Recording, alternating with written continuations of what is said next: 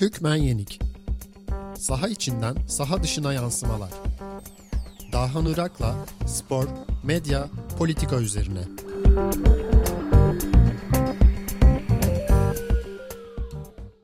Hükmen Yeni'ye hoş geldiniz. Ben Dahan Irak. Sporun bugün dünyanın en önemli kitlesel eğlence araçlarından biri olmasının temel nedeni herhangi bir eğitim ya da uzmanlaşma gerekmeksizin herkesin izleyici olarak onun bir parçası olabilmesi. Günümüzün ticarileşmiş ve medyatikleşmiş spor ortamında herkesin spor dünyasına dahil olabilmesi yalnızca mümkün değil, aynı zamanda gerekli. Zira seyirci olmadan sporun ekonomik olarak da kendini yürütebilmesi imkansız. Sporun herkese hitap edebilmesi bir taraftan da sporla ilgili bazı klişelerin yerleşip kalmasını getiriyor. Bir düşünce kalıplaşıp binlerce insan tarafından yıllarca tekrar edildiğinde onu kırmak çok zorlaşıyor. Üstelik o düşünce onu en çok tekrar edenlere zarar verebiliyor. Bugün Hükmen Yenik'te bu klişelerden birini ele alıp kırmaya çalışacağız. Mustafa Mandev Aspor. Ee, başkanım futbolun siyasete karıştırılması ile ilgili ne düşünüyorsunuz? Ee, başta bizim medya grubumuz olmak üzere e, bazı medya kuruluşları da hedef gösteriliyor ve e, bazı kulüp başkanları ve yöneticiler de e, futbola siyaseti karıştırıyor. Sizce bu 62-22'ye giriyor mu? Teşekkürler. Şimdi bu konudan gerçekten ben de hicap duyuyorum. Biz zaten bakın Sayın Cumhurbaşkanımızı ziyarete gittik. Kulüpler Birliği Başkanı vardı. 18 kulübün temsilcisi vardı. Futbol Federasyonu Başkanı olarak ben vardım. Mehmet Baykan vardı. Sayın Hamit Altıntop vardı. Yönetim kurulumuzu temsilen ve Gençlik Spor Bakanımız vardı. Kulüplerimiz sıkıntılarını, dertlerini anlattı. Sayın Cumhurbaşkanı şunu söyledi. Bakın dedi hepiniz Türkiye'nin seçilmiş önemli insanlarısınız sorunlarınızı, dertlerinizi, problemlerinizi oturun. Kendi aranızda anlaşın ve yürüyün dedi. Ama sizden bir ricam var dedi. Hiçbir zaman siyaseti sporun içine karıştırmayın. Ne beni ne benim siyasetçi arkadaşlarımı. Orada bunu söyleyen arkadaşlarımız da mevcut. Spora siyaset karıştırmak. Bugün ele alacağımız klişe bu. Çeşitli kesimlerin ağzından sık sık duyduğumuz bugün sokakta da herhangi birine sorsak muhtemelen tekrar edeceği bir cümle. Spora siyaset karıştırılmasın. Az önce bunun çok ibret verici bir örneğini dinledik. Bir tarafta iktidara en yakın TV kanalının muhabiri, diğer tarafta iktidarın en çok ihale verdiği iş adamı aynı zamanda Futbol Federasyonu Başkanı. İkisi de spora siyasetin girmesinden şikayet ediyor. Bu örneğe döneceğiz. Konuyu irdelemeye en sonda söyleyeceğimi en başta söyleyerek başlamak istiyorum bugün. Spora siyaset karıştırmama klişesi baştan sona bir safsatadan ibarettir. Hiçbir anlamı yoktur ve her zaman egemen olana hizmet eder. Sporun doğduğu günden itibaren politik olmadığı tek bir gün bile olmamıştır. Spor toplumsal bir olgu olduğu için bunun böyle olmaması eşyanın tabiatına aykırıdır. Her toplumsal alan gibi spor da bir siyasal müzakere ve mücadele alanıdır. Bunu bu şekilde ortaya koyduk. Şimdi neden böyle dediğimizi açıklamaya başlayalım. Ben bu meseleyi konuşurken kendi e, verdiğim derslerde de Fransız sosyolog Pierre Bourdieu'nun alan teorisine atıp yapmayı seviyorum. Bunun birkaç nedeni var. Birincisi Bourdieu'nun bu teoriyi ortaya koyarken oyun dinamiğinden yararlanması. Dolayısıyla bu kuramsal yaklaşımı spora uyarlamak çok daha kolay.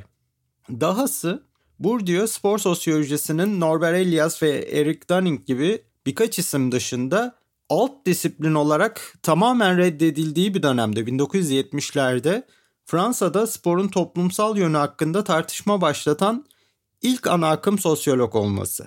Ve en önemlisi Bourdieu'nun açıkça sporu kendi teorisi içinde bir alan olarak tarif etmesi. Alan teorisi dedik. Nedir bu alan teorisi? Pierre Bourdieu toplumsal ilişkileri ve sınıfsal çatışmaları farklı biçimlerde gerçekleşen güç ilişkileri üzerinden ele alıyor. Bu noktada iki temel kavramı ortaya atıyor. Alan ve sermaye. Alan bütün mücadelenin gerçekleştiği bir oyun sahası. Bu sahanın içerisinde o alanın genel alanın parçası olan ama içinde özerk mücadelelerin de olduğu başka alanlar da mevcut. Bunlar hem kendi içlerinde anlam ifade ediyorlar hem de alanın geleneğiyle özel bir etkileme etkilenme ilişkisi kuruyorlar. Mesela alanı bir basketbol sahası olarak kabul edelim. 3 saniye koridoru var. 3 saniye koridoru alanın içerisinde yani basketbol sahasının içerisinde ama kendi kuralları olan, kendi içinde ayrı bir mücadele dönen ama genel mücadeleye de bir taraftan dahil olan özerk bir alan. Bu arada YouTube'da alan teorisinin e, futbol sahası üzerinden anlatıldığı çok hoş bir İngilizce video mevcut. Onu izlemenizi tavsiye ederim. Ama ben bugün basketbol sahasını tercih ettim. Çünkü bu programda biz de futboldan biraz fazla konuşuyoruz. E, basketbol örneğinden gideceğim bugün. Basketbol sahasında yani genel alandaki, alandaki genel mücadelede ve onun içerisindeki alanlardaki mücadelelerde yerinizi ve gücünüzü belirleyen belli etmenler var biliyorsunuz. Her mevkide fiziksel özellikler, oyuna dair temel özellikler, o fundamental dediğimiz meseleler farklı. İçine girdiğiniz mücadeleleri kazanma şansınız bu değişik özellikleri ne kadar sahip olduğunuza bağlı. İşte pivotsanız mesela boyunuzun uzun olması, kalıplı olmanız lazım. Bunun dışında box out edebilmeniz lazım. Rebound almak için rakibinizi dışarı itebilmeniz lazım. E, bu özellikler mesela bir guardlı olduğunda belki aynı derecede etki yapmıyor. Onun mesela oyun alanını görebilmesi daha önemli.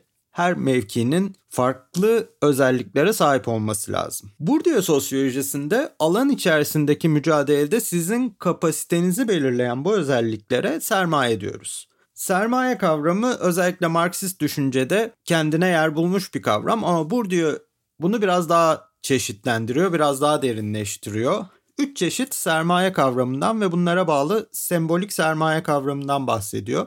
Ekonomik sermaye sahip olduğumuz ekonomik kaynaklar. Yani sermaye deyince ilk aklımıza gelen şey aslında. Bunun dışında toplumsal sermaye var. Toplum içindeki ilişkilere ne kadar dahil olabildiğimizi temsil ediyor. Yani kimi tanıyıp tanımadığımız, belli bir durumda kimle ilişki kurabildiğimiz bir de kültürel sermaye var. Kültürel sermaye bizim eğitim yoluyla ki buna aile de dahil, medya da dahil öğrendiğimiz davranış kalıpları. Bunların hepsini anlamlandıran bir de simgesel sermaye var. Simgesel sermaye tekrar basketbola dönersek oyun tarzımız diyebiliriz. Yani fiziksel ve teknik yeteneklerimizi kullandığımızda ortaya çıkan oyun tarzı stratejiden bahsetmiyorum. Strateji başka bir şey. Onun için başka bir kavram var. Habitus. Bundan e, bugün bahsetmeyeceğiz. Bu daha ziyade oyun tarzımız bizim. Oyunu oynama biçimimiz. Kısaca toparlamak gerekirse alan teorisi toplumsal mücadelelerin ve sınıf çelişkilerinin toplum dediğimiz oyun alanında farklı özelliklere yani sermayelere sahip oyuncular tarafından birbiriyle bağlantılı ve özerk alanlarda verilen mücadelelere bağlı olduğunu savunuyor. Oyuncuların özellikleri de alanın kendi özelliği de zaman ve koşullar içinde değişebiliyor. Biliyorsunuz e, eskiden basketbolda da 3 sayı çizgisi yoktu. Daha sonra 3 sayı çizgisi geriye çekildi. Farklı kurallar kondu. Yani alan da değişebiliyor. Oyuncuların özellikleri de değişebiliyor. Bu noktada Bourdieu'nun sporu nasıl açıkladığına gelelim. Çok ünlü bir makalesi var nasıl sportif olunur diye. Bourdieu'nun 1978 yılında bir kongrede yaptığı bir konuşma bu. Bir spor kongresinde.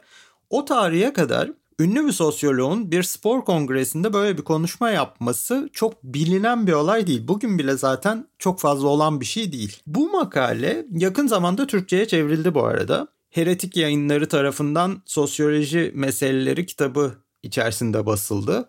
Ki orijinali de zaten bu kitabın içerisinde. Kesyon de Sosyoloji kitabının içerisinde. Makalede Bourdieu özetle şunu diyor. Sporun oluşumu, ortaya çıkışı, kurallara bağlanması, kurumsallaşması belli tarihsel ve toplumsal süreçlerin sonucu. Aynı şekilde sporun üretimi ve tüketimi de belli toplumsal koşullara bağlı ve bütün bunların incelenmesi gerekir. Örneğin farklı sporların farklı toplumsal kesimler tarafından farklı algılanmasının sınıfsal nedenleri vardır. Zenginlerin golf oynamaktan, fakirlerin futbol maçı izlemekten daha çok zevk alması sınıfsal bir toplumsallığı temsil eder. Bugün e, bu tarz sınıfsal çelişkileri yaşıyoruz sporda.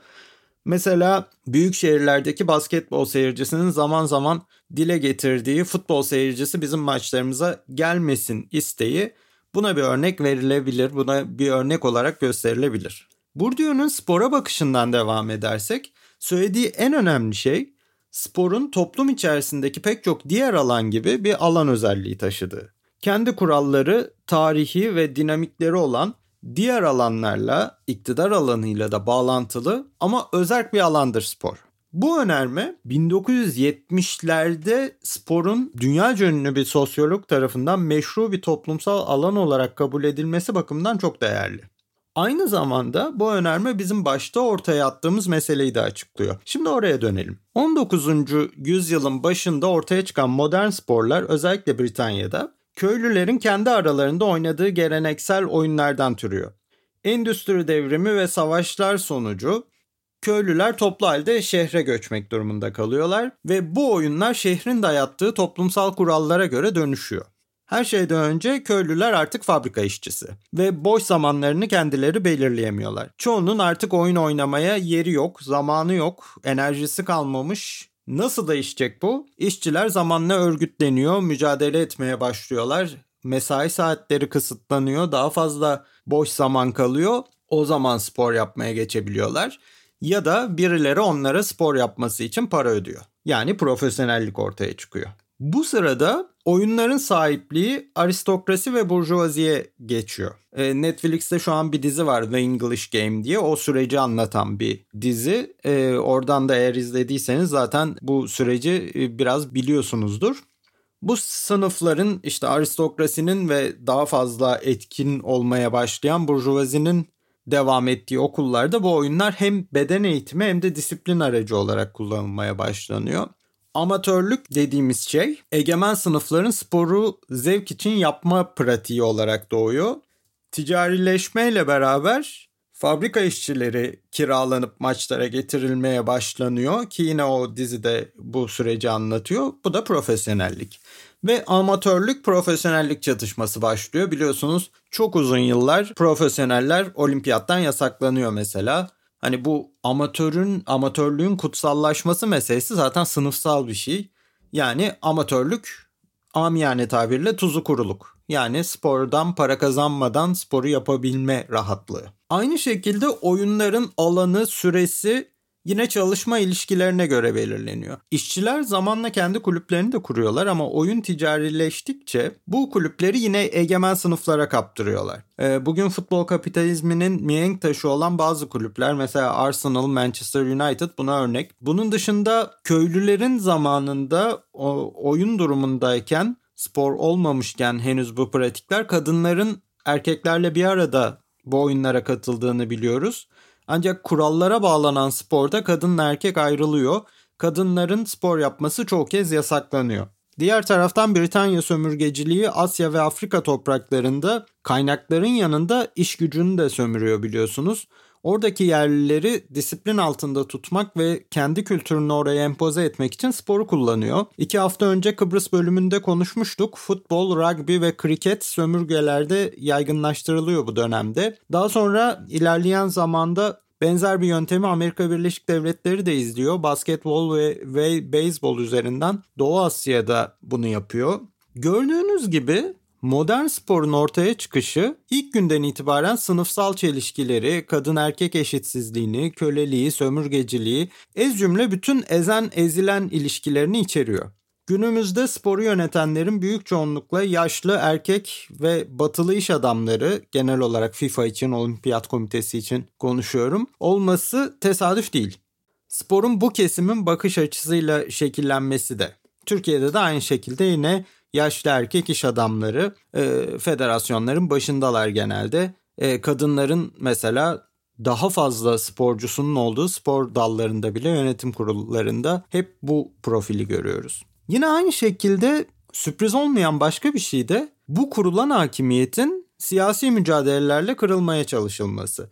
Bunun bir örneğini yine bu programda konuştuk geçtiğimiz bölümlerde. Ee, FIFA bölümünde 3. Dünya ülkelerinin 1974'te seçimlerde iktidarı nasıl ele geçirdiğini konuşmuştuk. Tekrar Bourdieu'ya atıf yaparsak mealen diyor ki bir alandaki mücadelede egemen aktörler yapının bozulmaması ezilen aktörler ise o yapıyı değiştirmek için uğraşırlar. Buradan hareket edersek spor alanının politik mücadeleye açılması kaçınılmaz olarak hakim düzenin rahatının bozulması anlamına gelir. Bu nedenle sporun egemenleri sporun politik bir mücadele haline gelmesini ne pahasına olursa olsun engellemeye çalışırlar. Bunun en etkin yöntemlerinden biri spordaki politik mücadelenin spor kamuoyu tarafından kınanır hale getirilmesi yani marjinalleştirilmesidir. İşte spora siyaset karıştırmayın safsatasının çıkış nedeni ve hizmet ettiği amaç da tam olarak bu. Bugün yandaş medya muhabiri ve yandaş iş adamı spora siyaset karıştırılmasından şikayet ediyor. Çünkü spordaki egemen konumlarını ancak bu şekilde koruyabileceklerini biliyorlar. Spor kamuoyu özellikle spor izleyicileri bu meseleyi tartışırken çok hatalı bir ezber üzerinden gidiyorlar. Sporun siyasetinin siyasetçilerin spora doğrudan müdahalesinden ibaret olduğunu zannediyorlar.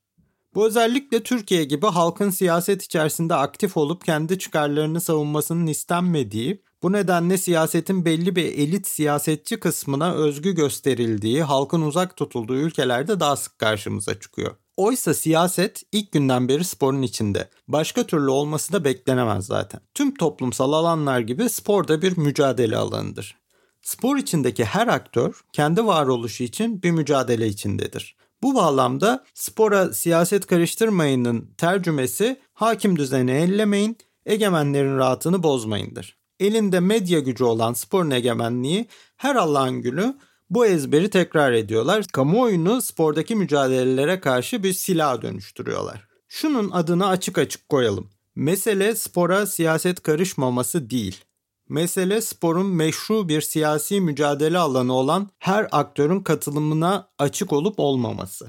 Bu program içerisinde konuştuğumuz her konu dönüp dolaşıp buraya geliyor. Bakın bu sezonun ilk programında Covid konuştuk.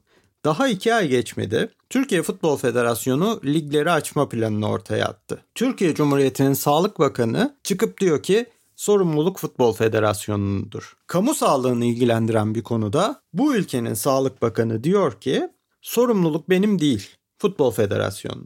Neden? Çünkü Futbol Federasyonu Başkanı Türkiye'nin devletten en çok ihale alan iş adamı. Neden? Çünkü futbolun oynanmadığı her gün para kaybeden yayıncı kuruluş Türkiye'ye milyarlarca dolar para aktaran bir hanedanlığın malı. Neden? Ülkenin en büyük yandaş medya holdinginin başı bugün ülkenin bahis tekeline sahip. Türkiye Futbol Federasyonu bir aya futbolcuları zorla sahaya çıkaracak. Neden? Çünkü iktidarın olası bir erken seçim öncesi hastalıkla çok iyi mücadele ettiği izlenimi vermesi gerek. Ülkeyi bir an önce normalleşme yoluna sokması, ekonomiyi çökmekten kurtarması gerek. Yayıncı kuruluşun bahis tekelinin para kazanması gerek. Bunun karşısında aman spora siyaset girmesin diye pasifleştirilmiş sporcular saha görevlileri var. Bir sendikası olamayan sporcuları saha görevlilerini hastalık riskiyle burun buruna getireceğiz. Spor doğası gereği politik bir alandır. Spora siyaset karıştırmama diye bir şey yoktur, olamaz. Bu lafı bir ezber olarak insanların ağzına takanlar çarklarına kimse çomak sokmasın istiyorlar. Hepsi bu. Hükmen Yeni'yi dinlediniz. Haftaya başka bir konuda tekrar buluşmak üzere.